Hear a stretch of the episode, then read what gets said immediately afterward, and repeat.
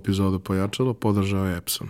Poštovani slušalci i gledalci, dobrodošli u 64. epizodu. Ja sam vaš domaćin Ivan Minić, a danas imam posebno zadovoljstvo da vam predstavim mog dragog kolegu Miroslava Georgijevića i njegovu ne baš tako uobičajnu priču ovaj, od uh, posla, da kažem, nekog dizajnera, početnika, nekog ko se zainteresovao za estetiku, do jednog od ljudi koji su i najproduktivniji i najvidljiviji, da kažem, u, u domenu stok fotografije kod nas. Dobrodošao.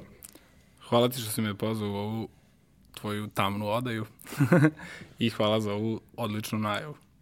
A, kako si ti uopšte došao do toga da te zainteresuje fotografija. To je ono, uh, vrlo često kad pričamo sa ljudima koji, koji su ulazili u tu priču, to nije jedan od onih kao, uh, da kažem, zanata ili, ili da kažem, zanimanja za koje je dovoljno da ti da tebe to zanima i eto, kao ajde. Znaš, kao i programiranje. Nisi mogao da počneš da programiraš ako nisi imao računar, a imati računar pre 20 godina nije baš bilo uobičajeno, jeftino, dostupno i tako dalje. Slična priča i sa fotografijom. Kako si ti uopšte došao u kontakt sa svim tim? Šta si radio pre toga? Evo ovako, da krenemo od početka. Ja se rodio. Šalim se, neću baš tako od početka. ovaj, a, ja potičem prvo iz porodice trgovaca. A, moji roditelji su svoje vremeno držali m, lanac prodavnica autodelova.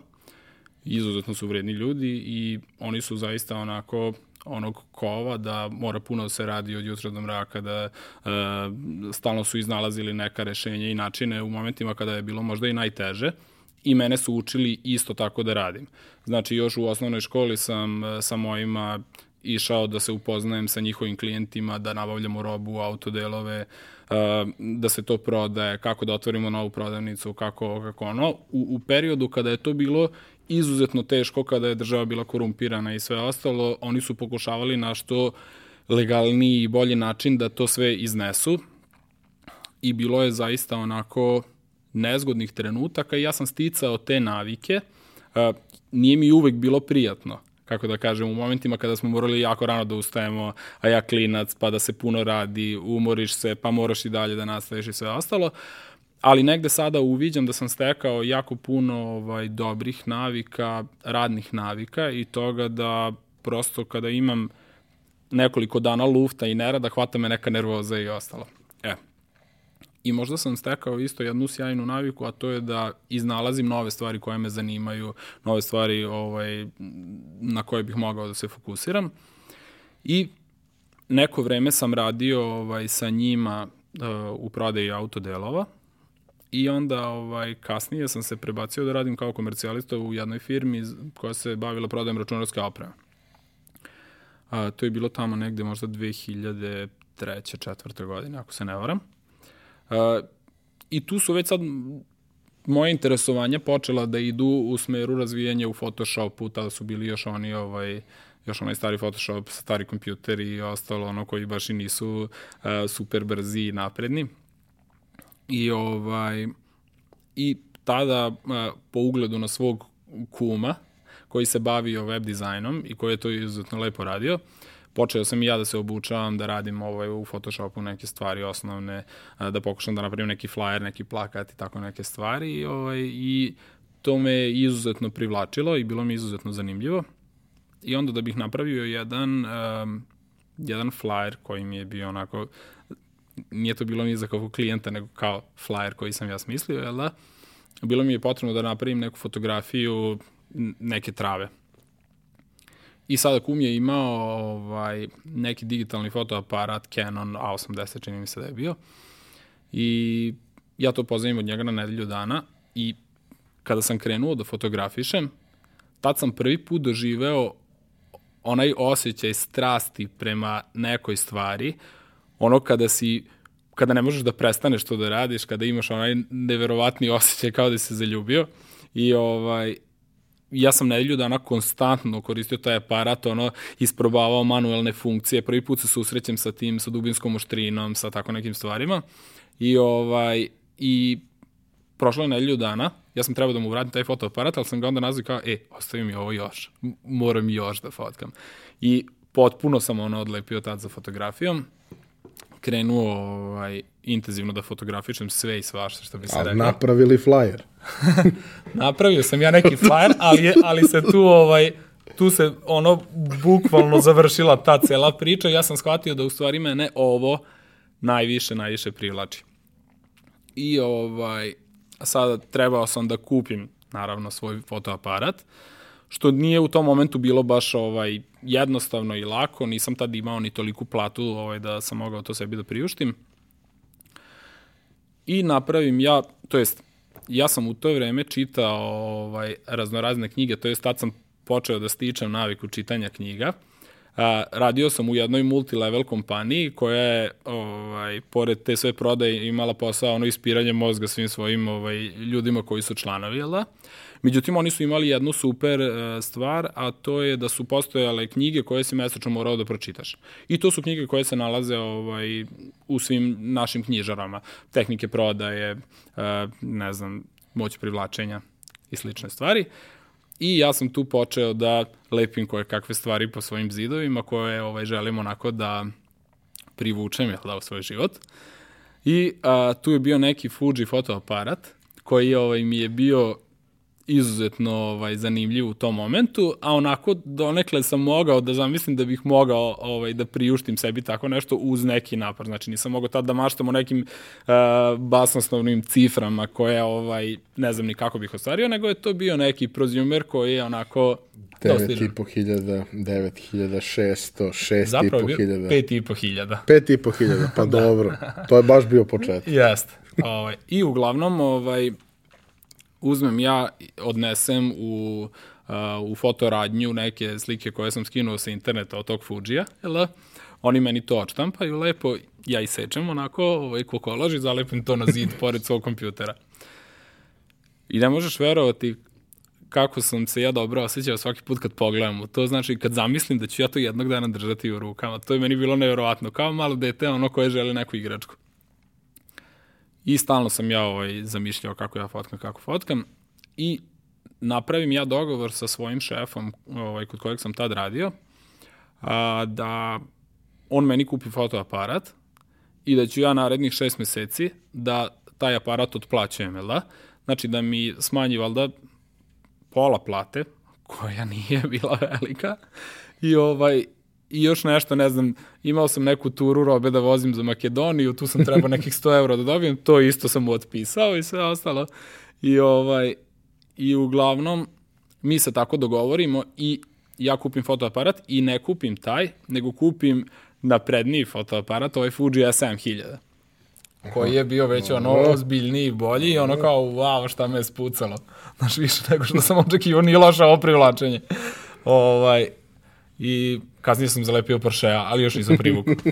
ovaj, uglavnom, uh, ja krenem da fotografišem opet sve i svašta i sad ono, kačim fotoaparat i sad prvi put se susrećeš sa tim, to jest preuzimaš tu ulogu kao da si ti sad fotograf, znaš. Prvo malo te sramote, razumeš, od svega, gledaš, nadaš da te niko neće sresti u gradu sa fotoaparatom i sve, i naravno srećem tri drugara, i oni kao, jesi ti sad fotograf? I kao šta odgovoriti na takvo pitanje. I ovaj, međutim, nastavljam ja tu da slikam ljude, da fotografišem, da fotografišem ovaj, okolo zgrade, golubove i sve ostalo. Tada nije bilo uh, Pinteresta, nije bilo Facebooka, nije bilo takvih stvari gde si ti mogao da se negde možda više inspirišeš, osim ako ne nađeš neki katalog ili ne znam, nije, nije prosto bila razvijena, barem neko od mene, a verujem i kod drugih, toliko ta sve, šta sve postoji u oblasti fotografije. Međutim, kako naletiš na neku knjigu, neki časopis, možda neku izložbu ili vidiš na nekom filmu, inspirišeš se šta bi to sve fotografija mogla da bude i kako bi mogao dalje da se razvijaš u tome. I u nekom momentu, tad sam se ja i priključio na tadašnji forum Design Zona, a, gde je bilo dosta registrovanih korisnika koji su bili ovaj, baš zainteresovani za oblast fotografije. I tu sam došao do dosta znanja, veština i svega što mi je bilo potrebno na samom početku i tu sam čuo za stok fotografiju. I ovaj, ja sam se registrovao tu na neke sajtove, međutim, ja apsolutno ništa ne znam tada o tom poslu. Ja znam kao, okačeš fotografije i to je to, čekaš da pare legnu. Pritom, ja ne razmišljam tada o tom momentu kakve su to fotografije. Ja ne razmišljam ko su klijenti. Ja ne razmišljam ovaj, e, kako treba fotografijom da se odgovori na potrebe klijenata. E, šta su to užarene teme. A da ne pričam o tome šta je dobar model, a šta loš model. Prosto to ne mogu ni da prepoznam u tom momentu. I ovaj i uglavnom tu posle nekoliko meseci rada ja sam imao nekih čini mi se oko 5 dolara zarade na, na stoku i odlazim na jedan od ovaj sastanaka dizajn zona fotografa, znaš, koji su se redovno tamo odvijali u Novom Sadu. I oni mene pitaju šta je počeo da se baviš, ovaj, a znaš ono, to su ovi stari fotografi koji samo idu i pljuju okolo. I kaže, ovaj, kao, šta je, pa koliko si zaradio? 5 dolara. I ono, jebate, ovaj ladno zna. Znaš, ono, znači svuda je ovako. I, ovaj, I tu ja nekako budem malo deprimiran. Da bih tada upoznao ovaj, nekog drugog lika koji je izneo tada cifru koju zarađuje mesečno, gde su nama bukvalno vilice otpale, kad smo čuli taj iznos. I, ovaj, I ja tu krećem, rekao, moram rekao da promenim taktiku. Moram da počnem da se upoznam sa ljudima koji su daleko jači od mene, koji su uspešniji, da dođem do njih, da vidim koje su ovaj, njihove strategije, kako rade, šta rade. I ovaj, upoznam se tu sa nekoliko njih, između ostalih jedan drugar sa Tajlanda, koji je baš u tom nekom periodu prelazio iz Srbije da živi na Tajland. I ovaj i on je nekako bio uvek onako dva, tri koraka ispred svih nas. I on je uvek pokretao te neke trendove, e, započinjao ono neki novi stil, neku novu obradu, nešto interesantnije i bolje od svih nas koji smo tamo. I ovaj, u početku ono, ja mu pošaljem neku poruku, nešto, on onako ni ne odgovori. Prvo sam hteo da iznajmim studiju od njega, međutim, on mi kaže, ej, zapalio sam na Tajland. Posle pošaljem mu neku poruku, ništa ja rekao, kako da doprem do njega? Znaš, ono kad te pita sada ne, gomila njih koji počinju, pa nekad i ne odgovoriš na poruku. Ja se trudim uglavnom da odgovorim, ali tad to nije bio slučaj sa njim. I kroz neke radove i neke fotografije ovaj, koje sam ja tu kačio i na dizajn zonu i ostalo, on meni ponekad prokomentariše nešto ovaj, i mi uglavnom stupimo nekako u kontakt, povežemo se preko, tad, preko Skype-a i krećemo intenzivnu ovaj, komunikaciju o svemu tome. U to vreme e, ja sam radio u prodavnici, tad sam se prebacio u prodavnicu sportske opreme, gde sam imao ono možda neku platu od, ne znam, 250 eura. Tako nešto, možda malo jače. I ovaj, i tada već uh, upoznajem i svoju sadašnju suprugu. Uh, počinjemo uskoro da živimo zajedno i sad kako je to već ono, tu je stan, došlo dete, nezgodno, malo se ima para. Ja, ja se razvijam u fotografiji lagano, ali još uvek nemam sasvim dovoljno ovaj, novca da mogu da, onako da možemo komotno da živimo. Znači, to je bio period kad ti odlaziš u, ovaj, na primjer, u, u supermarket, uzimaš telefon, otvaraš Digitron, ukucaš 5000 dinara i ideš polako u minus. I ti kad dođeš do nule, nema tu ono, ej, usiću još ovo, nema još ovo, nula. Znaš, ono, došao si dotle, nemaš ti sad ono neke unlimited Ako e, hoćeš resurse. da uzmeš to, moraš nešto da vratiš. Tako je, tako je, bukvalno. To je bilo ono momenti i kupovina, pa imamo neke čekove. Pa onda sretnem nekoga u prodavnici, pa mu dam, ja njemu ček, on meni pare i ostalo da nešto ono izmirim, jer ne mogu sve da uzmem. Haos. Uglavnom, ovaj, a, meni je stalno bilo u glavi kako da se oslobodim toga da, da posvetim svo svoje vreme e, fotografiji. I sada, došao je taj neki period kada sam ja otprilike zarađivao na stoku koliko sam imao i u ovoj prodavnici i jedno veče pogledam uh, seminar od uh, Chase Jarvisa, fotografa kog sam tada ovaj, izuzetno pratio, izuzetno cenio gde je on rekao, ukoliko želiš da postaneš ovaj, profesionalni fotograf, moraš da budeš 100% fotograf. Znači, ne možeš da budeš, što sam ja tad prepoznao, ne možeš da budeš trgovac fotograf. ne možeš da budeš frizer fotograf, možeš da budeš 100% fotograf. I kaže, nakon 10.000 radnih sati u oblasti fotografije, ti možeš sebe da smatraš profesionalnim fotografom, jer tad imaš dovoljno iskustva, znanja i svega ostalog, da možeš da dolaziš do klijenata i sve ostalo. I sad, on je to sve račlanio kako, šta, šta to nosi kada si potpuno fokusiran i sve. Ja sam bio ono potpuno oduvan, jer to je ono bukvalno što je, nekom je trebao samo onako dati malo ovaj, vetra u leđa. I ovaj, ja rešim da sutra dan dam otkaz. I sad ono svi u porodici, misli ti lud, kako to misliš, dete malo, sve ostalo, ovaj. Međutim, prosto sam osetio taj nagon da je to pravi korak koji, jer ako ostanem ovde, nigde se neću pomeriti. Znači, ostajem tu gde sam i nastavljam da živim ovako kako živim, a tako kako živim sam nezadovoljan. Ne samo u finansijskom smislu, nego neispunjen sam, ovaj, nije mi to, osjećam da to nije moja svrha. Bukvalno sutra dana ono, potpisujem otkaz, mm, ne znam koliko je tu bilo nedelju, dve dana da ispoštujem taj otkazni rok i ostalo. I stižem kući i ono sad došao dan kad ne idem na posao i kao onako seo. Kao šta sad? Znaš. Jer sam ja sad fotograf. da, jer sam ja sad fotograf. I ovaj... I sada, počinjem ono intenzivno da planiram sve, da se raspitujem i ostalo, međutim, naravno u životu nikad sve ne ide sad, da se otkazi, sad ti odjedno sve procvetalo, znaš. Sad počinju problemi, znači nema više tog prihoda koji je bio dodatni od, ovaj, od te prodavnice, nego sad imam samo ovo. Sad potrebno je vreme da prođe da ja ono što sad trenutno radim, da akumulira neki veći prihod.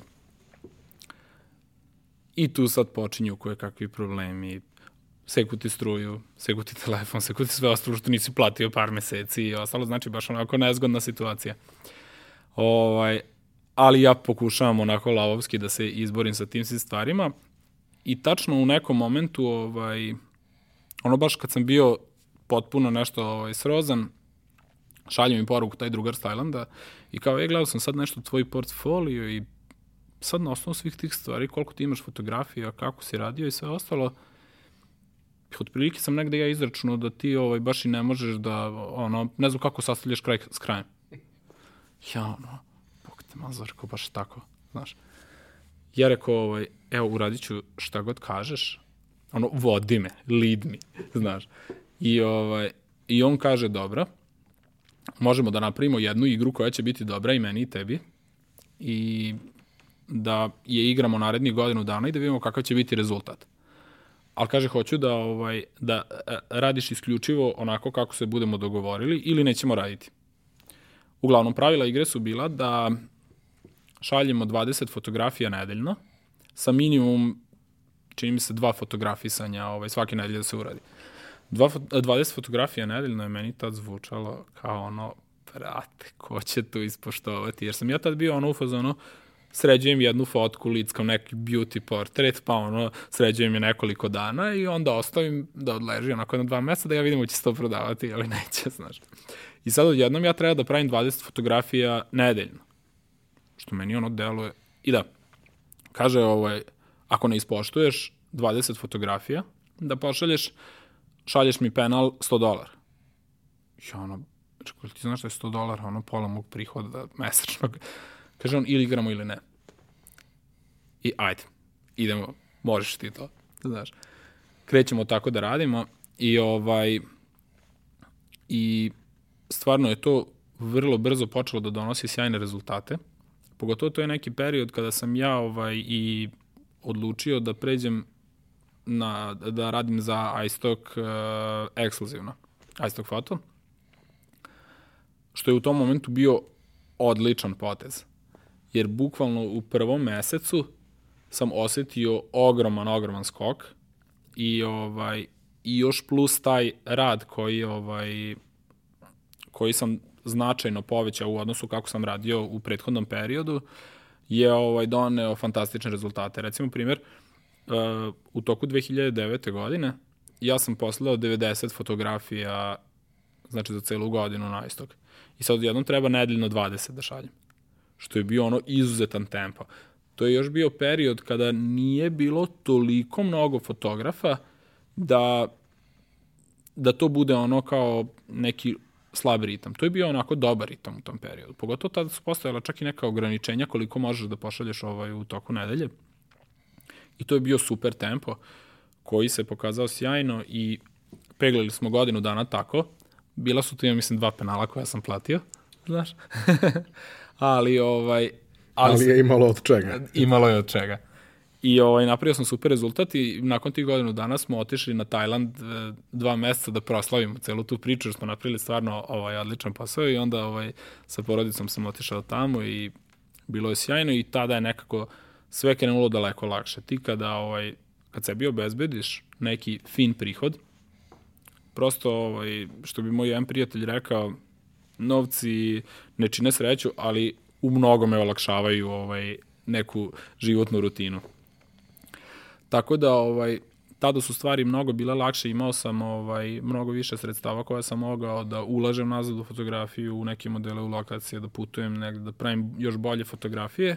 Ovaj, I imao sam uvek, kao što i dan danas imam, taj drive da napredujem i da pravim sve bolje i bolje fotografije. Kao što sam ti malo pre rekao dok smo pričali, ovaj, nakon svakog fotografisanja, kad prođe ono, na primjer, mesec dana ili nešto, počnem da uviđam koje sam greške pravio na tom fotografisanju. Uh, možda mi se ne sviđa više ovaj, taj stil ili fazon ili trend boje, ne sviđa mi se možda emocija kakva je bila na ljudima, želim to da izmenim i to me stalno ono gura napred i ovaj, da, da mi fotografije budu sve bolje i bolje i kažem, i dalje se radujem svakom fotografisanju ko što sam se radovao i tada, što mi je stvarno ono super. Znaš. Pomenuo si da si u tom jednom prelomnom trenutku odlučio da postaneš šajstok ekskluzivac. Dobro. Šta to konkretno znači? A, to konkretno znači da svoje fotografije možeš da plasiraš isključivo na iStock Photo, koji je umeđu vremenu bio kupljen od Getty Images, a tako da je sad to jedna firma, iStock Photo by Getty Images se zove. Tako da ti kad šalješ fotografije na iStock kao ekskluzivac, one se prodaju na iStocku Getty i nekim njihovim partnerskim firmama. Uh, tada ne možeš da šalješ samostalno fotografije na neke firme s kojima oni nemaju dogovor, na primjer ne možeš da šalješ na Shutterstock ili na Adobe Stock ili na neke druge ovaj, sajtove, nego možeš nego šalješ prosto ekskluzivno daješ pravo, za to ti oni daju veći procenat i uh, prosto mislim da se fotografije bolje pozicioniraju u uh, samoj pretresi. E sad jedno možda previše in detail pitanje, ali Da. Mislim da možeš da mi daš odgovor. Da li se to odnosi samo na fotografije koje si poslao na istok? Odnosno ti napraviš snimanje i imaš, napraviš selekciju pet najboljih fotografija i one idu na istok, kao ostalih, ne znam, deset koje su manje kvalitetne, vredne, možeš da šalješ negde drugo, ili ne? Ne. U principu ti sa jednog ovaj, fotografisanja gde je prepoznatljiv stil, ti fotografije te se prosto smatraju ovaj, da su samo za jednu stranu. Ti sad kad bi fotografisao u jednom prostoru gde imaš ono dve različite, ovaj, dva različita setapa, tu bi možda i mogao da napraviš ono tu razliku, ali da se vidi da je sve sa jednog ovaj, seta, prosto mislim da ne bi pilo vodu. Okay, da, okay. to, to volim, je ono, znaš, volim da. da napravimo distinkciju za, za ljude, najčešće klinice koji ulaze u sve to i nisu prosto sigurni da ne naprave greške na samom početku, da ne ono izgube naloge zato što Tako je, ni ne, ja mislim da se ni ne treba ovaj, u principu sa takvim stvarima igrati, treba ono odlučno krenuti u jednom smeru i ono gurati ili na ovakav ili onakav način. Sada dati savet oko toga, to, to je najčešće ovaj pitanje kao za nekoga ko kreće da se bavi stok fotografijom, da li krenuti kao uh, ekskluzivni kontributor ili slati na sve sajtove. A, sada je period neki kada se jako velik broj ljudi registruje na stok sajtove za prodaju fotografija i zaista je dosta teže probiti se i napraviti neki konkretan uspeh. Ne kažem da je nemoguće, ali, na primjer, postoji jako puno kvalitetnih fotografa I onda ukoliko neko krene iz one tačke iz koje sam ja krenuo i krene takav materijal da šalje, takav materijal apsolutno nema šanse na stoku. Iz kog razloga? Zbog čega bi neki klijent platio fotografiju koja je sto puta lošija u svakom smislu od neke fotografije koju je napravio neki fotograf koji je ekstra mnogo uložio u produkciju, koji ima najbolje modele, koji apsolutno poznaje a, samu psihologiju fotografije, koji zna tačno kome je ta fotografija namenjena i ostalo, prosto ono nema smisla. Kad se postaviš ulogu klijenta, ni ti ne bi kupio lošu fotografiju. I onda, može se uspeti u tome, ali mora, mora da se ovaj ima da, da se ima određeno znanje i da se napravi fotografija koja je zaista izuzetno kvaliteta ono iz više aspekata kada se posmatra i da ona zadovolji potrebe klijenta. Kaži mi, dakle, vreme u kome si ti to počinjao je bilo mnogo drugačije. I konkurencije je bilo manje, i očekivanja su bila niža i e, prosto bilo je mnogo lakše za nekoga ko počinje. E, sa druge strane, danas je znanje mnogo dostupnije nego što je bilo tada. Kako si ti tada učio?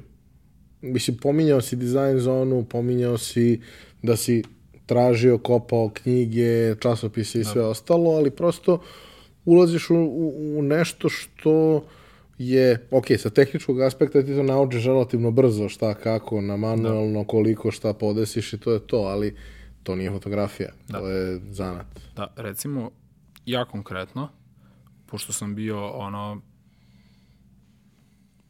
što bi se reklo, nabrijan ovaj, na to sve, ja sam fotografisao bukvalno svaki dan satima zvao prijatelje, gnjavio rodbinu, svi su ono već kad kažu, ej, ajde nešto te fotkam, ja, evo ga, znaš, i ovaj, ali sam tako istraživao kako svetlo pada sada, pa sam ono rotirao modele, pa gledam kako sada, ako je prozor iza, ako je ovamo, ako je onamo, baš u tom periodu kad sam se ja razvijao fotografiju, ovaj, u fotografiji, tada sam se ovaj, počeo zabavljati sa svojom sadašnjim ženom i ona mi je večito bila ispred nekih sve, a ona apsolutno ono, nije neko ko voli da se fotografiše i bilo je ono, molim te kada će ovo prestati.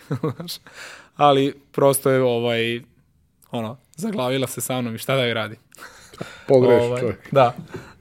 Um, znači, dosta sam vežbao, dosta sam fotografisao sve i svašta, jer ja tad nisam bio opredeljen, e, znači ja volim da fotografišem portrete, nisam imao pojma. Znači, bilo mi je jednako ono fotografisanje portreta, fotografisanje neke ulice, goluba i slično.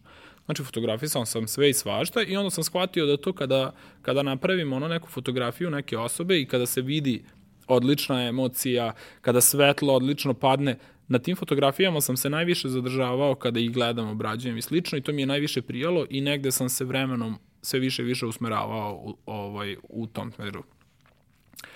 Um, učio sam iz knjiga koje su bile tada dostupne, Znači, bile su ono knjige tipa digitalna fotografija, ne znam ja, pa ono čitao od korice do korice sve šta, šta mogu da saznam. A, kupovao sam razne časopise, pa pokušavao tu da shvatim kakvo je svetlo, pa onda isprobam ja fotografišem, pa ne dobijem ni približno ništa tome, pa onda raspituj se ovaj, kako su to ljudi radili, sve tada nije bilo YouTube-a da ja odem i kliknem i ovaj, i dobijem tačnu postavku svega kako ono da napraviš idealno. Jer, na primjer, ti kada imaš puno iskustva u, iz oblasti fotografije i kada imaš iza sebe stotine, ako ne i hiljade fotografisanja, ovaj, ti bukvalno kad vidiš fotografiju, ti znaš kako izgledaju zidovi u toj prostoriji, gde je prozor, da li ima prozor, da li je to veštačka rasveta, da li ima sunce ili su, je to oblačno vreme ili šta je. Znaš, bukvalno ono vidiš po licu kakav je pod u toj prostoriji. Šta se reflektuje tu? Da li je to siva, ovaj, prostorija sivo-crna ili tu ima neki zeleni pod ili trava ili naranđasti zid? Sve vidiš. Bukvalno samo vidiš ovako lice. I ovaj, i onda samim tim i znaš već u startu kako da postaviš ovaj sve te stvari, ali kažem, za to je potrebno dosta fotografisanja, dosta isprobavanja, uh, igranja sa rasvetom. U principu, u fotografiji je ovaj, najbitnije ono šta fotografišeš. Znači, objekat tvog fotografisanja, okruženje u kojem fotografišeš, a na kraju fotoaparat, oprema i sve ostalo. Ja, ja ne zanemarujem uh, bitnost opreme.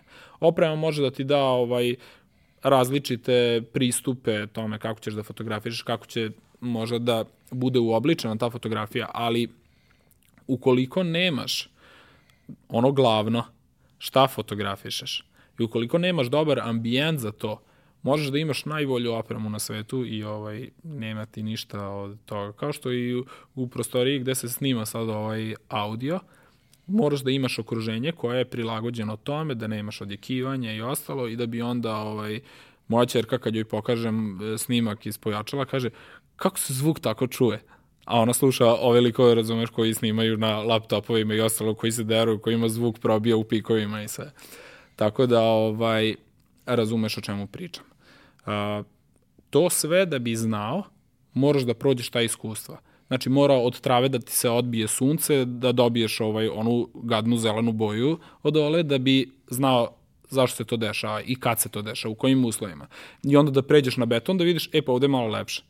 I slične stvari tome. I to su ono neke stvari koje, koje na primjer, istraživanjem možeš da ovaj skapiraš. Dosta toga, kažem, sada i postoji dostupno uh, na internetu da se nauči, ali mislim da ne možemo sve to tako lako ovaj, uh, sažvakati, jel da, dok ne isprobamo stvari. Da, meni se čini da to gledanje je super za inspiraciju, Tako je. ali da zapravo tek kada sve to probaš, možeš da, da zapravo ovladaš time na način da možeš da uradiš i nešto bazirano na tome, a ne samo da reprodukuješ nešto što je već neko uradio. Jeste. A, voleo bih da popričamo malo o tome kako si ti tada na, na svojim, da kažemo, profesionalnim početcima, a, kako si uopšte, ok, kažeš slikao si sve, u redu, ali u nekom trenutku si krenuo da pratiš šta daje rezultat, šta je davalo rezultat i na koji način si se ti nadalje odnosio prema tome. Jasno, trendovi se menjaju i dan danas nešto drugo potpuno funkcioniše, ali kako si se ti odnosio prema tome? Evo, ajde probam da dam odgovor. A znači, ja sam uvek ovaj, fotografije koje sam kačio, postoje fotografije za koje sam navijao da se prodaju i fotografije koje se zaista prodaju, znaš. I ovaj, I onda sam bio najsrećniji kada se te dve stvari poklope. Znači, kada ona fotografija za koju sam navijao i koju, kakvu volim da pravim, kad se ta prodaje. E, onda gledam zašto se ta fotografija prodavala, pa gledam gde bude eventualno ta fotografija objavljena. I u početku to nije bilo baš tako lako, ali ovaj, sad se to dosta razvilo i sada već možeš da ispratiš dosta gde ti fotografije odlaze, gde završavaju i gde budu objavljene. Mada je to najčešće ovaj, puka sreća da, da naletiš na te stvari. To možeš pronaći ono što, što u Google može da iskoči, ali ovaj, ovako neke stvari da naletiš u marketu i ostalo, to je više slučajnost. Ovaj, I s obzirom da sam se ja najviše fokusirao na fotografisanje ljudi, eh, portreta, životnog stila, načina života ljudi i ostalo, a manje možda na neke a, da li pejzaže, da li neke fotografisanje objekata ili neke ovaj, nežive prirode. Znači, kako su mi se prodavale fotografije koje su, ovaj, u kojima su uključeni ljudi, tako sam sve više se razvijao, pravio možda slično fotografisanje sa određenim izmenama. Ili možda primenim na neku temu, recimo sada, proda mi se neka fotografija koja je u vezi biznisa, i vidim koji su tu aspekti, e, kako je izgledao kadar, možda ljudi kako se smeju, kako interaktuju jedni sa drugima i onda to primenim na neku drugu temu, na primjer na sport. Da slično interaktuju sve i onda ono hvatam niti od prilike koje se stvari prodaju, šta ljudi traže. Onda pratio sam vremenom ovaj, kada se priključite nekoj agenciji za prodaju fotografija, znači nekoj stok agenciji, one najčešće šalju briefove šta je to konkretno što ljudi, ovaj, što klijenti njihovi traže, uh, koji su trendovi aktuelni, šta bi oni voleli zaista da dobiju i dosta je to olakšano na osnovu svih analiza koje oni sprovode. Tako da vi kad se priključite nekoj agenciji dobijate dosta stvari već na gotovom, sad je samo potrebno da ispoštujete to i da znate da napravite taj sadržaj. Ovaj, tako da nadam se da sam ti odgovorio na pitanje. Jesi, jesi, jesi, ali ti počinješ i počinješ kao prvo neko sa, bez resursa, mm. da kažemo elementarnim tehničkim resursima, ali bez resursa bilo kakvih drugih. Uh, I to kreće da daje rezultate, to kreće da raste i sad već dolaziš u fazu kad osmišljavanje te fotografije nije samo moj kum ima zanimljivu kancelariju, pa ajde da snimamo mm. sve ofis kod kuma i ljudi koji rade kod njega su onako interesantni, mogu da prođu i neće da se ljute, pa kao, da. hajde da snimamo njih. Kad ulaziš u taj deo priče koji podrazumeva planiranje snimanja, I kako to izgleda? Jer za, za dosta ljudi sa kojima sam pričao, u ostalom i Alekse kad je bio, u njihovom slučaju naročito, to je čitav jedan proces koji nekada zna da traje i jako dugo i mnogo stvari mora da se poklopi i pre svega izuzetno je skup uh -huh. i očekuješ da će ti vratiti to za tri meseca, tri meseca, šest meseci, godinu dana. Ako ti vrati u tom nekom periodu, to se računa u uspešno snimanje, ako ne, moga mi taj minus može da bude vrlo, vrlo značajan. Ti si ispucao jednu lokaciju, nemaš ih baš beskonačno. Da, da. Na koje možeš da računaš. Kako je to u tvom slučaju krenulo? A, pa zanimljivo je to da ne mora nije neophodno da, da skupa produkcija, da će biti i najprodavanija, ovaj, kako se zove, ta, ta serija recimo za koju si najviše ono platio, koju si najviše organizovao, ne mora da znači da će biti i ovaj najbolje prodavana. Često se dešava i imao sam slučaje kada su neke, neke on, neka ono okidanja koja su se samo ono desila u pravom momentu na pravom mestu i ostalo, donela zaista daleko, daleko veći prihod nego neka fotografisanja koja su dosta organizovana. E sad, u proseku, što bolje organizovano fotografisanje će doneti, ovaj, što, doneti veću zaradu.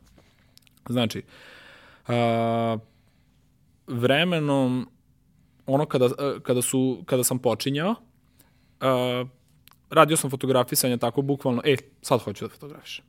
Onda sam vremenom počeo da uviđam da tad baš i ne mogu sve da ostvarim ono što bih u tom momentu voleo. Na primjer, ej, tako je sve dobro, super je model, ono pozvao sam pravo osobu, sve, ali tako mi je bezvezno okruženje, što nisam imao bolje i, i pratite taj neki osjećaj ovaj, da si u nečemu pogrešio i onda ono, sedneš sam sa sobom i kažeš, ej, ovo ne može baš ovako da se ono uradi u jednom danu. Ne možeš sad za sad da uradiš fotografisanje. Daj malo neke stvari tu da se isplaniraju. Šta bi bilo kad bih imao neko odlično okruženje sa lepim ono prozorom ili sa nekim stvarima i onda kreneš da tražiš to. U početku ti ne možeš da platiš neki prostor ne znam koliko ali možeš nekada da napraviš neki deal sa vlasnikom nekog restorana ili nešto, e, ja ću ovde uraditi fotografisanje i daću ti ono, moći ćeš fotografije da iskoristiš možda za Instagram, za Facebook, da se ispromovišeš, tu će biti neki modeli i sve ostalo, a meni treba da mi ustupiš taj prostor ovaj, da fotografišem, ja ću fotografije koristiti za stok. Ili, ono, daj meni ono što meni treba, jel tebi treba nešto, tako ja ću ti fotkati to što tebi treba. I, I vrlo često su ljudi ovaj spremni na to i, i voljni da to urade, zato što i oni dobijaju ovaj dobru stvar, pogotovo kada se radi o nekim većim firmama. Jer, na primjer, ti sada većoj firmi nekoj, koja pravi ogromne promete i ostalo, ti sad njima da ponudiš, na primjer, neku minornu sumu za to, njima je to bezvezno. Ali kad im ponudiš ono fotografije s supermodelima, to za njih ima ovaj dobru vrednost onako. Jer njihov, Ili jer njihov, i sa njihovim zaposlenim. Tako je. I čak i to. I, ovaj, I to smo često radili. Znači, gde, gde ljudi žele autentične fotografije sa svojim radnicima i njima je sasvim ok da ovaj, ti te fotografije iskoristiš. Jer u, za njihov posao njima bukvalno ništa ne škodi što ćeš ti prodavati te fotografije i napravi se prosto jedan ono fin dogovor i takve stvari ovaj, preporučujem ono svima da probaju. U početku je to nezgodno kad ti nemaš samopouzdanje i kada nemaš uh, to iskustvo razgovaranja sa, sa ljudima koje želiš da angažuješ ili kod kojih želiš da fotografišeš. Naprimjer, meni je u početku bilo jako nezgodno da uh, pitam neke osobe da mi budu modeli. Jer ja odmah pomislim, ja sad ako, ako budem sad ono neku devojku koju ne poznajem pitao, manijak. Ne budeš model, ona će odmah pomisliti da sam ja manijak, šta ti hoćeš od mene se, I to je bilo, to je večita borba bila, znaš. A kasnije kada se negde izgradiš, kad imaš portfolio i sve to, uh, prosto i modeliti se sami javljaju i ti imaš daleko veće samopouzdanje, ono, možeš lako da pošalješ poruku koji pogledamo portfolio, bavim se time i time, da si raspoloženo za fotografisanje i ostalo. I to dalje kasnije teče mnogo lakše. Dosta ređe ispadneš manije. Tako je. Ovaj, ali u početku kad ti nemaš apsolutno ništa, znaš, to baš zna da bude izazov. Ali prosto taj put koji mora u početku da se pređe trnovit i nije baš tako lep kao kasnije i to svako mora da pređe. Taj, korak, taj put ne može da se preskoči. Znači, to svako mora da prođe i da iskusi i kasnije ti bude i drago, jer znaš ono da si uložio neki napor, da dođeš tu gde si sada i nekad će ti ljudi reći, e pa lako je tebi. Ali niko ne zna ono šta si prošao i koje su bezvezne bile situacije u kojima si se nalazio, jer nije sve glatko. Često ti ljudi odbijaju, često imaš i neprijatne neke situacije i prosto nije uvek sve tako jednostavno, ali to je put koji moraš proći da bi se izgradio negde i da bi ovaj da bi postigao određene uspehe. Generalno taj izazov koji koji vrlo često uh, ljudi imaju kad ulaze u freelance vode, bilo da je u pitanju nekakav dizajn ili bilo šta što je vizualno. Kao, ali ja nemam šta da pokažem. Ok, nađi nekog kome to treba, ko nije komercijalno ne znam šta, ko nije klijent koji je platežno sposoban, lupam, nađi crveni krst, nađi neko udruženje koje ti je okej, okay, uradi sa njima to sve sa njima napravi priču, napravi sebi materijal, napravi ono što, što možeš da pokažeš. Napravi neke portrete, ima toliko ljudi, ono, nađi neke sportiste, klince koji su pretalentovani, koji nikog ne zanimaju jer ne igraju futbal ili košarku ili šta već, ali su fantastični, karakteri su, imaju sve kao, evo ti uradi to, i kada neko vidi, on neće znati ko je ta osoba, ali će da vidi svu tu energiju, videće to sve, videće koliko je tebi stalo i reći će, hm, možda ovaj mali nije tako loš, što da mu ne dam šansu. Šta je da, najgore što možda se da. desi? Ja mislim da je to ovaj da je to super savet i da bi tako ovaj ljudi zaista i trebali da rade zato što sigurno postoji ljudi na, na ja to kažem na svim nivoima. Znači, postoji neko ko ima brdo iskustva ili postoji neka firma koja uh, ima mnogo para i koja sebi može da priušti ovaj, fotografa koji ima puno iskustva, puno znanja i sve ostalo, ali postoje i oni koji počinju i kojima bi odgovarao upravo neko ko možda neće puno naplatiti i slično. I treba pronaći ljude koji su na sličnom nivou na kojem se i ti nalaziš, da se povežu i da naprave saradnju. I to može da ispadne super. E, da neki mlad fotograf napravi svoj portfolio, ja mislim da je sada možda čak i lakše nego ikada. Iz kog razloga? Ti sada čak ni ne moraš da odeš i da, da moljakaš ljude posebno. Ti prosto možeš ono na, na svojoj stranici nekoj, da li na Facebooku, da li na Instagramu, možeš da objaviš svoj, ovaj, svoju želju i ono što, svoju nameru, šta želiš da napraviš i da se ljudi sami prijavljuju. I to će neko šerovati. Znači, neko od tvojih prijatelja će to podeliti, pri, prijavit će ti se ljudi, recimo ja imam odličan odziv svaki put kada ovaj, napravim uh, neku akciju ili kada kada pozovem neki uh, neke specifične ljude, da li su se, zavisi šta mi je potrebno. Recimo, kod nas je dosta teško naći ovaj, ljude koji su stariji od 50 godina ili 60. Ili 40. Tako je, a koji su u odličnoj formi i koji mogu ovaj, a, da ti da ti posluže. I onda sam I u nekoliko... Ovaj... Onda Marinko i Aleksandra da. glume svuda. Da. u svim reklamama, svim svemu Tako ikad. Je. Tako je. Ovaj, I u par navrata sam pravio ove mm, neke kao oglase za pronalaženje... Casting. Tako je, casting je za starije ljude. I imao sam stvarno ogroman odziv. Sada, kod nas je stvarno teže naći ono stariju osobu koja ima sve što je potrebno da ovaj da stari model ima da bi bio onako kako treba. Ovaj, ali svakako postoji dobar odziv i mislim da se tako ovaj mogu naći u, u različitim ono domenima ljudi. Nekada su ti potrebni sportisti, nekada su ti potrebni stariji ljudi, nekada su potrebni ne znam, uh, nekad ti je potrebno, kad kažeš i stariji ljudi, nekad ti je potreban stariji čovek koji je CEO firme i Tako. dobro se oblači, nosi dobar sat, Jeste. vozi dobar auto, nekad ti je potreban deka koji Jeste. nosi svoju... Nekad će, ti, nekad će ti biti potrebna ekipa u firmi. Znači da ih fotografišeš, da ti ono, oni daju svoj prostor i svoje zaposlene, a njima će biti super jer ovaj jer mogu da se promovišu. Na primjer ono što je zanimljivo ovaj kod naših IT firmi, a, pošto me u, po, posebno u zadnje vreme često angažuju IT firme da ih fotografišem i onda me je zanimalo ovaj po, jer, jer sve više i više ima IT firmi koje žele da se njihovi radnici fotografišu u njihovim prostorima i ja sam ih pitao št, u čemu je stvar, zbog čega postoji toliko velika potreba.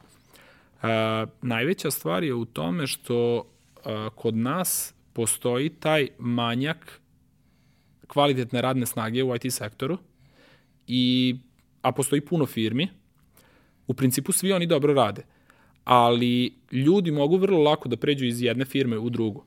I zbog toga a, IT firme pokušavaju da naprave što bolji ambijent, što kvalitetniji, da pruže što više ovaj, svojim zaposlenima da bi ih zadržali.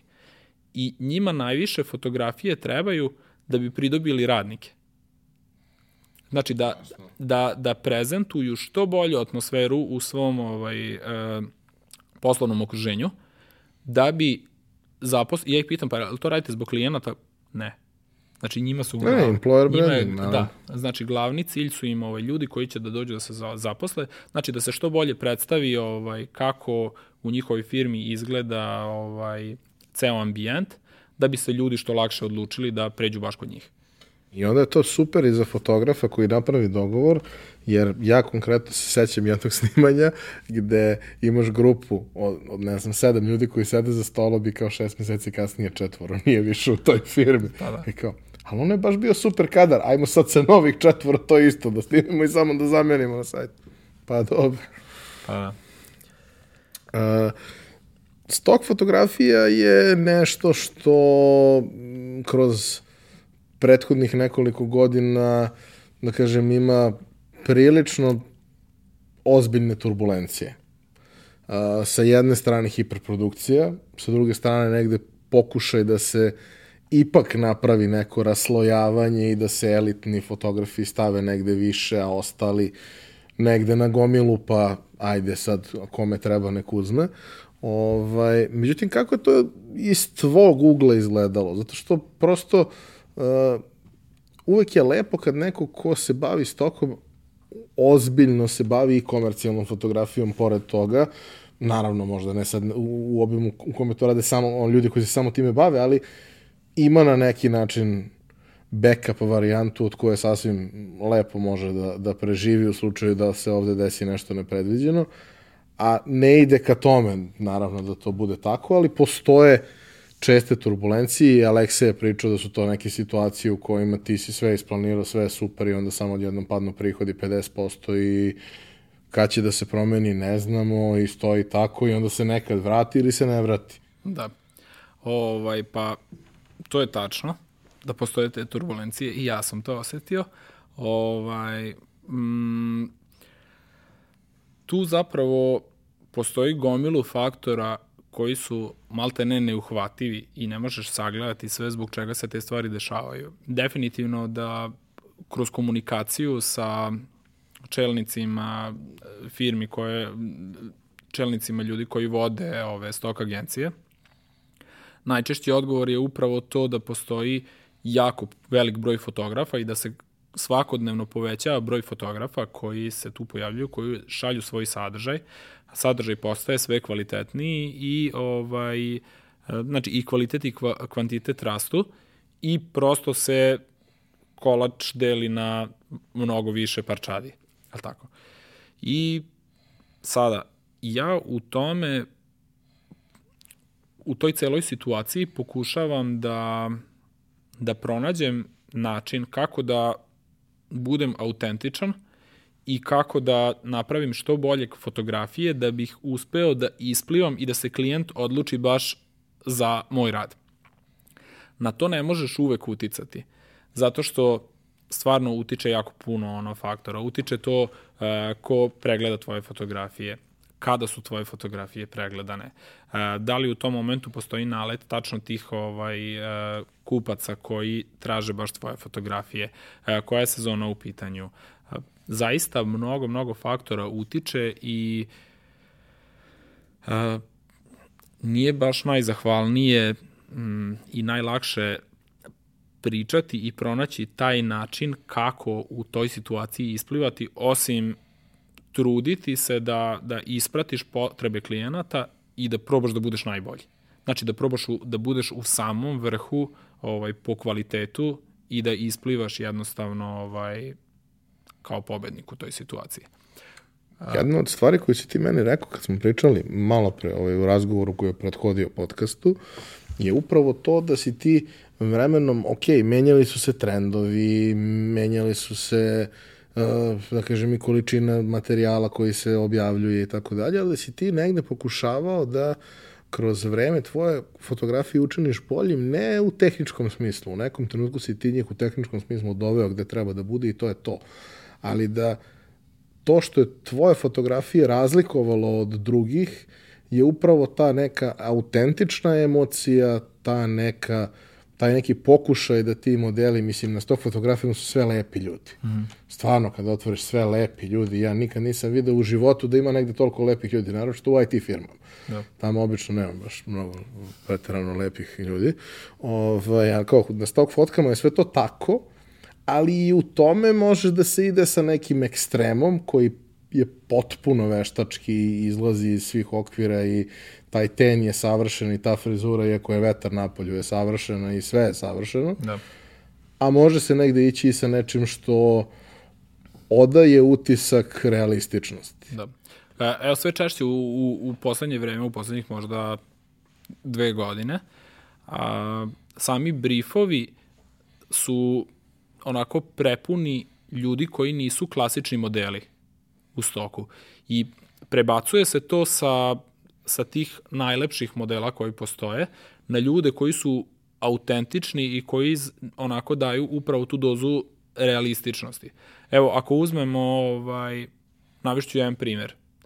Imamo sada neku super zategnutu bakicu koja ima ekstra frizuru, napucanu šminku, izgleda tip top i sve, i uzme kao ovaj, neku kremicu da maže koleno, kao bolije koleno, onako malo ti škripi.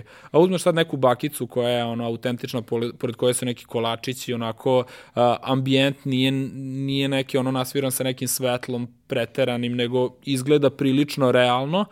I ako se ona žali na bolu kolenu i, na, i, i nanosi, na primjer, neku kremu, ta scena ti deluje realističnije i više će da te ovaj neće ti odvlačiti pažnju to nešto što se ne uklapa u tu scenu kao što je neka namontirana ovaj gajba neki nameste da. skandinavski da, da, da, da. ludilo neko. da nego ovaj će ti više ovo izgledati e pa da ovo ja sam u sličnom problemu za one koji su u sličnom problemu i na koje će ta reklama da utiče na koji bude iskorištena ta fotografija upravo iz tog razloga a, dolazi do te velike potrebe i verovatno je bilo i tržište prezasićeno sa upravo tim modelima koji nisu izgledali realistično, nego su izgledali savršeno nekako i perfektno i sve. I onda konstantno ta perfekcija i sve dosadi već svima. I ti sada, ovaj, i, i kada pogledaš ono mnoge muzičke spotove ili neke reklame za najprestižnije brendove, često ćeš naići da na to da nisu uvek modeli sad neki ono prelepi, prelepi i prezgodni modeli, znači i, i ljudi, nego često tu imaš ono kao neko komšiju iz kraja, znaš, koji je naleteo i koji je doneo taj svoj neki stil, ali koji deluje apsolutno autentično. Znaš, i to se sve češće i češće traži. Uh, traži se osvetljenje koje će da izgleda autentično, koje neće da izgleda onako prenasvirano kao nekad i da izgleda uh, sa previše sve svetlo, da sve, da sve sije, da, nego se traži bukvalno da izgleda da je to neki prijatan ambijent, uh, odnosno, ne, ne mora da bude prijatan, nego prilagođen određenoj temi i situaciji. Tako je. I, ovaj, I takve stvari prosto sve češće rade posao. I klijenti traže to. I onda u tim briefovima oni nama prenose to i ti trendovi se konstantno menjaju. I sada ti, ako uskočiš tačno u taj voz tog novog trenda i ispoštuješ ta neka pravila, možeš da budeš ono par koraka ispred onih koji kaskaju za svim tim stvarima. To je još jedan od onih aspekata koji će te učiniti uspešnim fotografom ovaj, od gomila aspekata koje bi trebalo da ispoštuješ. Znaš šta je, recimo bio jedan moment gde kolega moj to ovaj, dobro objasnio, on je isto dečko stokir godinama, s tim što on manje više izlazi sad iz toga jer prelazi primarno na komercijalnu fotografiju i seli se odavde i tako dalje. I on kaže, Vrate, jedno vreme, ono, znaš, ko, koji god dobar, uh, zubarska ordinacija koja god dobra da se otvori u gradu, ja dođem, islikam sve, dovedem 5-6 prelepih devojaka, ono, doktorka, ako ne odgovara, dovede mi doktorku i sve. I kaže, onda sam skapirao jednu stvar, Kaže, to je sve super za, za, za fotke after, ali ljudi traže i before. da, da, da. ljudi traže i kako to izgleda, ne znam, ono kao uh, kozmetička industrija, uh, estetska hirurgija, zubi, sve to kao, sve to super. Ti imaš sve fotke koje ti trebaju za sajt za, za after. A niko nema fotku od before, niko nema fotku na kojoj se vide nekakve bore, niko nema fotku na kojoj se vide neke nesavršenosti u nečemu. I kaže, onda sam krenuo da se, ono, kao, da probam da radim i te stvari, gde naravno nećeš staviti nešto ekstremno loše, pa sad je to automatski ekstremno sjajno. Nego prosto u nekom domenu realističnosti i jedno i drugo. I kao njemu je to davalo rezultate tad, pre nekoliko godina, kao za, za to što radim. Da, pa definitivno, ovaj, definitivno jeste tako. Evo, ja sam imao jednu situaciju kada sam uh, svoje prijatelje koji su radili, to je koji proizvode neku odeću u Novom Sadu, uh, oni imaju svoj ofis i onako totalno su cool, bave se dizajnom, bave se tim svim stvarima. Znam ti prijatelj. E, znaš prijatelje. I ovaj, i uglavnom uh, dogovorim se ja sa njima, to je još uvek onaj period kada sam ja voleo svi da su svetlo obučeni, da sijaju i sve ostalo. I dogovorimo se mi da se vidimo i ja kažem, dođite u nekim ovaj, svetlim majcama ili u nekoj, ovaj, kao možda neku, neku košuljicu da ima i ostalo. I, ovaj, I oni dolaze svi u crnim majcama. Pošto inače furaju uglavnom crne majice. Dolaze u crnim majicama i jedan od njih ima Texas košulju. I ono jeste vi rekao normalni. Kako, kako mislite ovako da vas fotografiše? I sad kao, hej, znaš, jajte šta je tu je, ovaj, uradimo mi to fotografisanje. Posle nekih mesec i po dana uh, iStock šeruje tu fotografiju na Edvik magazinu, kako je izašla kao primer autentične fotografije i poredi se sa klasičnom stok fotografijom. I to ono svi živi objavljuju, iStock koristi na kampanji, na svemu ti ono kao, eto ti. A meni je u tom momentu se učinilo ovo je ono pogrešno i sve, a u stvari je upravo to, oni su se pojavili onakvi kakvi jesu, niko od njih nije bio model, znači svi su bili ovaj, kod njih se videlo da on kad sedi za tim kompjuterom da je to njegov kompjuter. Da se on tu osjeća potpuno komotno, da priča na određenu temu i recimo sve češće e, pokušavam upravo da nađem ljude koji su tačno u domenu, to je da bude fotografisanje prilagođeno sa ljudima koji su u tom domenu ili kojima je to primarni posao šta se fotografiše. I, ovaj, i takvi ljudi su prosto komotni da pričaju o tome. I kada neko priča o konkretnoj temi na fotografisanju, evo uzmimo biznis da je u pitanju. I sad ako se ta firma, ako je to neka dizajnerska firma i ako oni pričaju o dizajnu, to se na licu vidi da on ima samopouzdanje dok priča o tome. Jer priča o nečemu što poznaje, o nečemu, o nekoj temi koju ono dobro zna i o kojoj ne mora da smišlja šta će da kaže u tom trenutku, nego to prosto izlazi iz njega. I ja to najčešće ono skrećem pažnju ljudima koji fotografišu da vode računa o tome, jer ti kada modelu nekom kažeš, e, aj sad pravite se da pričate. to izgleda katastrofa. Znači, ta emocija izgleda užasno. Veštački osmesi. Ili ono kao, znaš, i to, to je po meni potpuni, potpuni promašaj i to nikada ne radim. Uvek zadajem temu, ako ne postoji tema, ako, ako baš imam neke modele s kojima, koji su novi, s kojima radim, napravimo bukvalno kao igru.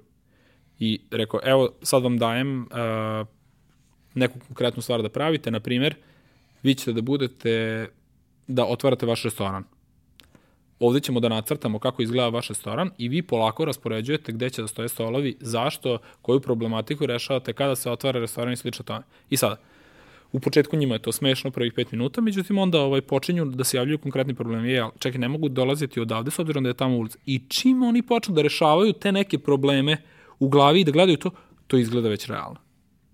I ja kada pravim takve fotografije, to se odma vidi ovaj, ta razlika. Vidi se da oni ne glumataju, nego da stvarno razmišljaju. A to se na licu definitivno ono primećuje kada ti nešto fejkuješ ili kad zaista ovaj, o nečemu pričaš. Znaš. I ovaj, to je jedan od puteva kojim se vodim uvek kad fotografišem, da bi fotografije bile što realističnije pošto takve fotografije volim da pravim i u takvim fotografijama najviše uživam i najviše sam zadovoljan ovaj, rezultatima. Znaš. Pitao sam to Alekseja, moram da pitam i tebe, jer nekako duboko verujem u to da kad radiš tako neku stvar, jako ti znači da vidiš primjenu toga dalje. Hmm. Uh, koje su neke situacije u kojima si sretao svoje fotografije negde, koje su ti onako bile naj simpatičnije, najdraže ili možda neke koje ti nisu baš bilo previše drage? Uf, pa stvarno sam viđao fotografije na raznim, raznim mestima. Ovaj, bilo je tu bukvalno i po časopisima i na proizvodima i po billboardima i ostalo. Možda nešto što mi je, evo recimo zadnje što mi je bilo ovaj, baš drago, a, u zadnjih nekih godinu, godinu i po dana počeo sam da učim 3D da radim i sad cilj mi je bio da ovaj, iskombinujem fotografiju i 3D. I fotografisao sam sebe u studiju e, sa nekim zelenim svetlom i ne znam, ovaj, onako neka dobra atmosfera i napravio sam u 3D-u VR naočare koje su ono ne postoje ta, ne postoji takav model ovaj realno i sad ovaj nešto sam izvukao neke delove neke sijalice namestio i ostalo i namestim identično svetlo u 3D-u i kad sam izrenderovao posle u Photoshopu to uklopio, to izgleda apsolutno realistično, kao da ja nosim te naočare. I kreću prvo ovaj, da mi se javljaju drugari kad sam okačio na ovaj Instagram, e, kao koji je ovo model? Kao, ovo nisam video, znaš. I onda ovi, ovi kažu, ej, super je sve. I za nekih 10 dana pošalje mi jedan prijatelj u Forbes magazinu izašlo kao predstavljanje najnovijih tehnologija od 2020. i ovaj, ta fotografija onako kao header. Znači, izašao si u Forbes. Tako je, više puta. Ovaj, ali tad mi je bilo najdraže, znaš. Ne, ne, ali izašao si ti, ti tvoje da, lice Da, da, moje u lice je izašlo. Da, da, da. Ovaj, onda recimo bila je isto interesantna situacija, ovaj, putovao sam sa porodicom u Ameriku i sad već profesionalna deformacija, to verujem da svi tog fotografi rade. Čim uđeš u neku prodavnicu, onako ako imaš malo lufta, žena da je cao bila za radnju, ti ono, aha, ovde su časopisi. Listaš ono časopise, ne bili naleteo na neku svoju fotku i sad, naletimo drugara, ono, fotografija od ovog stokera, od, već znamo ono, sve fotografije koja je čija, znaš. Onda ovaj, na nekom proizvodu, na slušalicama vidimo da ovog, ja, rekao, kad će moja, znaš. I sad, bili smo tu nekih dva meseca i već je prošlo jedno mesec i po dana i ja nigde ne, ne ilazim na svoju fotku, ali ono, bukvalno, onako tražim, tražim i ja već odustao i ovaj, i tad smo bili na Floridi i vozamo se, idemo na neku plažu i ovako vidim billboard i ono, koči, znaš, ono jedno 7 metara ogroman billboard, onako fotografija preko celog billboarda, onako to, znaš, stavimo, slikamo se odmah pored i sve. I tad mi je bilo ovaj, baš super. Koja je još bila zanimljiva situacija? Um, Neka kompanija možda koja je koristila, koja je tebi lično draga, neki brand. ne, recimo, bilo je, ovaj, bilo je sad nedavno interesantno. Najviše volim kada izađu neke fotografije ovaj, od nekih članova moje porodice, pošto ih često fotografišem. I ovaj, to mi je onako nekako najtoplije.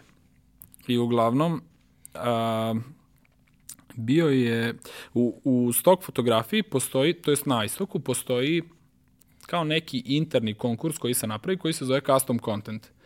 A, to je konkurs koji se napravi za specifično za neku firmu koja pošalje svoj određeni zahtev i koja traži da se naprave autentične fotografije samo za njih i te fotografije su unikatno napravljene samo za njih, pa ko želi da pristane da se prijavi na to, pravi fotografisanje, šalje tamo, oni biraju i sve što im se svidi, plate jednokratno i to je to. A šta im se ne svidi, možeš da dodaš na svoj profil Ukoliko nisu slične fotografije, ukoliko se razlikuju. I često nisu ovaj previše rigorozni po tom pitanju, znači ukoliko su malo drugačiji uglovi i ostalo, oni puste da ostale fotografije ovaj, prodaješ. E. I uglavnom, uh, neka firma, e, bio je custom content, content za neku firmu koja se zove uh, McKinsey and Company. Dobro, Ovaj, mala. da. Neznačajno. Da. I, ovaj, I uglavnom, ja kao odem, ajde malo da istražim, da vidim njihov sajt i ono na headeru od moje čerke slika kako pravi nekog robota, nešto što smo slikali. Rekao, super, daj da pogledam ovu firmu, kada ono kao promet prethodne godine 10 milijardi dolara, znaš. Rekao, ekstra. I ovaj, tako bilo je ono, po svim časopisima koji su kod nas ovaj, i koji su u inostranstvu su izlazile. Recimo, bilo mi jako drago ovaj, kad sam počeo, te, to je kad sam kupio svoju prvu rasvetu, tamo negde 2008. godine možda. fotografišem jednu deda mrazicu, znaš, i to mi je bilo ono kao hit, rasveta, potpuno drugo iskustvo, presrećan, iako sad kad pogledam sačuvaj Bože, ali tad je to meni bilo ono ekstra i pojaviš se baš u Novom Sadu na nekom časopisu na naslovnoj strani, ju, pa svao sam sve žive da kupe časopis, da ode da vide, znaš kako to izgleda sve. To mi je bilo ovaj, tako što ja znam. To su Zašto misliš, mislim, šta ti misliš, zbog čega je Srbija generalno, ali i Novi Sad vrlo specifično toliko razvijen kada je u pitanju stok industrije. Zaista postoji jako puno ljudi koji raznih profila, neki rade ozbiljnije, neki manje ozbiljno, ali ima i jako puno ozbiljnih ljudi koji se baš posvećeno bave da. bave stok fotografijom. A, pa ja mislim da je prvenstveno nas vezala ta zajednica. Ja mislim da je dizajn zona imala izuzetno, izuzetno udela mnogo u tome zato što si mogao za bilo koga ko te pita, ono, je, voleo bi da počnem da se bavim fotografijom, ti ga usmeriš, je, pogledaj na dizajn zoni, tu ima puno fotografa i on se priključivali, ljudi priključivali se i možda, mislim, ne znam, ali možda nisu postojale u drugim državama takve zajednice koje su tako čvrsto ljude povezivali i ovaj i koje su imale toliko ovaj znanja kao na izvolte što bi se reklo. A, Drugi razlog mislim da je to što je u Srbiji generalno platežna moć a, dosta niža od drugih zemalja i ti kada postigneš neki rezultat koji bi negde u, u inostranstvu bio možda neka prosečna plata, ovde može da bude ovaj izuzetno dobar prihod. I mislim da je to dodatno ljude motivisalo da se razvijaju i da nastave da se bave ovaj tim poslom. Zašto baš u Novom Sadu? Ne znam tačno, to je kao ono što je IT zajednica u Novom Sadu izuzetno jaka i razvijena. A, tako isto znam stvarno puno fotografa koji se bave s tog fotografijom ovaj, u Novom Sadu, gotovo da, da mi broj ljudi koje poznajem koji su tog fotografi prevazilazi broj regularnih ljudi koje poznajem u Novom Sadu. Znaš, ovaj, a koji je pravi razlog toga? Pa ne znam, možda zašto se tako družimo i držimo se zajedno, delimo iskustva i ostalo i onda to raste nekako organski. Mislim da je zajednica za svaku vrstu zanimanja tog tipa jako važna, posebno što svi ostali resursi su ti ograničeni. Da. Ali ovako, ako, znaš, imaš koga da okreneš i da pitaš, e, treba mi takav i takav model, ispucao sam sve što mi je palo na pamet, pregledao sam šuce, pregledao sam sve, da, da. nemam, je li imaš ideju neku i imaš tri broje i jedan će ti dati odgovor tako na tvoje pitanje. Tako je. I mislim da su ljudi stvarno kod nas ovaj, voljni da dele znanje. Evo, ostalom i ovo što ti radiš je odlična stvar i tu možeš dosta ovaj, čuti, naučiti, videti ko su ovaj vodeći ljudi u određenim granama, kontaktirati njih ili neko ko njih pozna i to se prosto tako ovaj povezuje i zajednica se razvija. Ja nekako verujem zaista kroz ovo što radimo da nećemo mi nikog naučiti s tog fotografiju kroz razgovor od sat vremena, da to može tako, svi bismo bili eksperti iz svih oblasti. Ali ćemo da ohrabrimo ljude koji nisu sigurni da li da krenu i daćemo im možda neke stvari koje ne moraju da nauče na ličnom primjeru i daćemo im možda motivaciju da u nekim situacijama kada dođe u tešku situaciju, a ima ih, svi smo bili u njima, kao, e, nisi jedini, ljudi prolaze kroz to, bit će bolje za par meseci, treba samo da preguraš. Jeste teško, ali mislim da je jednostavno svi bi to mogli i svi bi se bavili tim. To je tačno. Ovaj, ponavljam, znači, mi smo imali stvarno ono teških tih finansijskih trenutaka, ono kada, kada ostaješ potpuno bez para. Ali kad kažem potpuno bez para, to znači nemaš više para. Ne ono, ej, pa razmeni eure. Znaš, ne, ne, nema razmeni nema ništa, nula. Znaš, i to su stvarno teški trenuci. Sjećam ali... se ja jedna situacija kad si ti, kad si ti pričao to kao, treba nešto i sad kao, nemaš ti, nema, nema žena, preturaj po stanu. Da, da, da, to je, to je bila Sve situacija. jakne, svi džepovi, kaputi, ispod dizanje kreveta. kreveta i ostalo. I ono nema. nema nula. I onda ono, pozajmljaš od sestre i kao, znaš, čerka, mleko, nemam bar, treba to i prelomiti preko jezika. Znaš, to je stvarno nezgodno. Ali prosto znaš, mislim, pogrešno bi bilo sada da si ti u takvoj situaciji i da ostaješ u takvoj situaciji. Ali ako grebeš, grebeš, grebeš i dovoljno ovaj, ono želiš da prevaziđeš tu situaciju, ja stvarno verujem da u današnje vreme postoji toliko izvora informacija na internetu da svako ko je iole spreman da zasuči rukave može da dođe na bezbroj različitih načina ovaj, do, do nekog posla i da sebi obezbedi finansijska sredstva. Ne samo u uh, stok fotografiji, nego stvarno u bilo čemu. Toliko su sada dostupne te sve ovaj, ti kursevi, uh, free materijal koji se nalazi na YouTube-u, po blogovima i svuda da stvarno mislim da svako može da ovaj svako ko je spreman da prođe malo tog trnja, ovaj može da se uh, uzdigne i da napravi neku karijeru ili da razvije neki posao. E, počeo si sa istokom 2006. To je bilo pre 14 godina. Koliko imaš fotki sad tamo? Uh, pa sada, ovaj, s obzirom da imam dva naloga različita, a na jednog nalogu imamo nekih 22.000 fotografija, a na drugom 12. Znači, ukupno negde oko 34.000 fotografija. To a su, to je ono to što si probrane, odabrao. da, probrane, sređene fotografije i, i sve ostalo. Tako da, ovaj, onako dobar broj fotografija i... Celodnevni posao. Jeste. jeste. Uz neku znači, fleksibilnost a, svakako, ali... Ali ono što je prednost toga jeste što ja to izuzetno volim da radim i ja, na primjer... Nakon, Čini se i da umeš, to mogu nakon da ti kažem. Hvala. Ovaj, nakon fotografisanja, ja bukvalno hrlim da pregledam te fotografije, da krenem da ih sređujem i sve ono, i meni radno vreme bukvalno proleti ovako i ono kao, jo, znaš, ono, moram da krenem, ono, kao treba klinca da vozim na trening. Imam da. i isti, da. isti odnos, imam kao ti, ja, ja uslikam i dođem i gledam i kao, je li moguće da nijedna nije u fokusu? Ali dobro. A, dobro. Zato si ti ti, a ja, ja. Mogu i ja ponešto da uslikam ponekad kako treba, ali... Možemo da organizujemo zajedno neko fotkanje pa da ono šerujemo iskustva. Siguran sam da ja mogu nešto naučiti od tebe i ti nešto od mene. pa dobro. A, hvala ti što si bio. Hvala što, što si po, podelio priču. A, mislim da svaka ovakva autentična priča gde nemaš problem da kažeš kroz šta si sve prošao. Ljudi preko nas imaju jako veliki problem sa tim. Znaš, kao, sad mi je super, ali pre pet godina sam bio u jako velikom kanalu, ali aj nemojmo da pričamo o tome. Ne, ne, ajde da pričamo o tome. Jer mnogo je lepo kad si gore, a mnogo je teško kad si dole. A kad si sam i kad si dole, onda je najteže. I mi smo svi uvek imali nekog prijatelja ili neku ruku od negde iz nekog mraka koja nas je izvlačila ili nešto iznutra što nas je izvlačilo.